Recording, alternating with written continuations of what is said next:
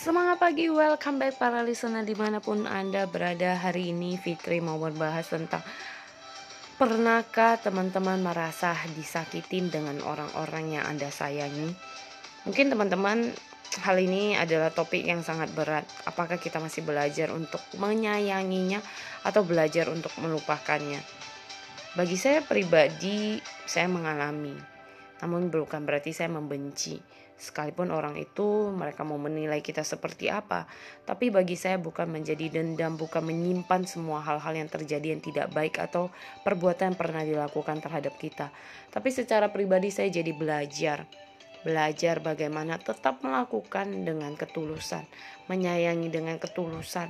Dan saya percaya apa pun yang dilakukan bukan karena mengharapkan balasan.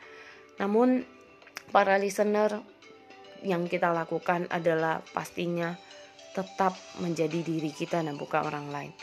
Hari ini saya yakin banyak di luar sana banyak orang-orang yang juga mengalami hal yang sama.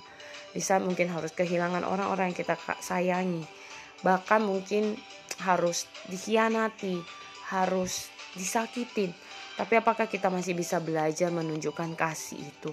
Mungkin bukan hal yang mudah teman-teman. Tapi mari kita belajar belajar untuk percaya kepada Sang Pencipta kita, belajar dengan ketulusan hati kita untuk tetap menjadi pribadi yang tetap tulus dan melakukan dengan sepenuh hati.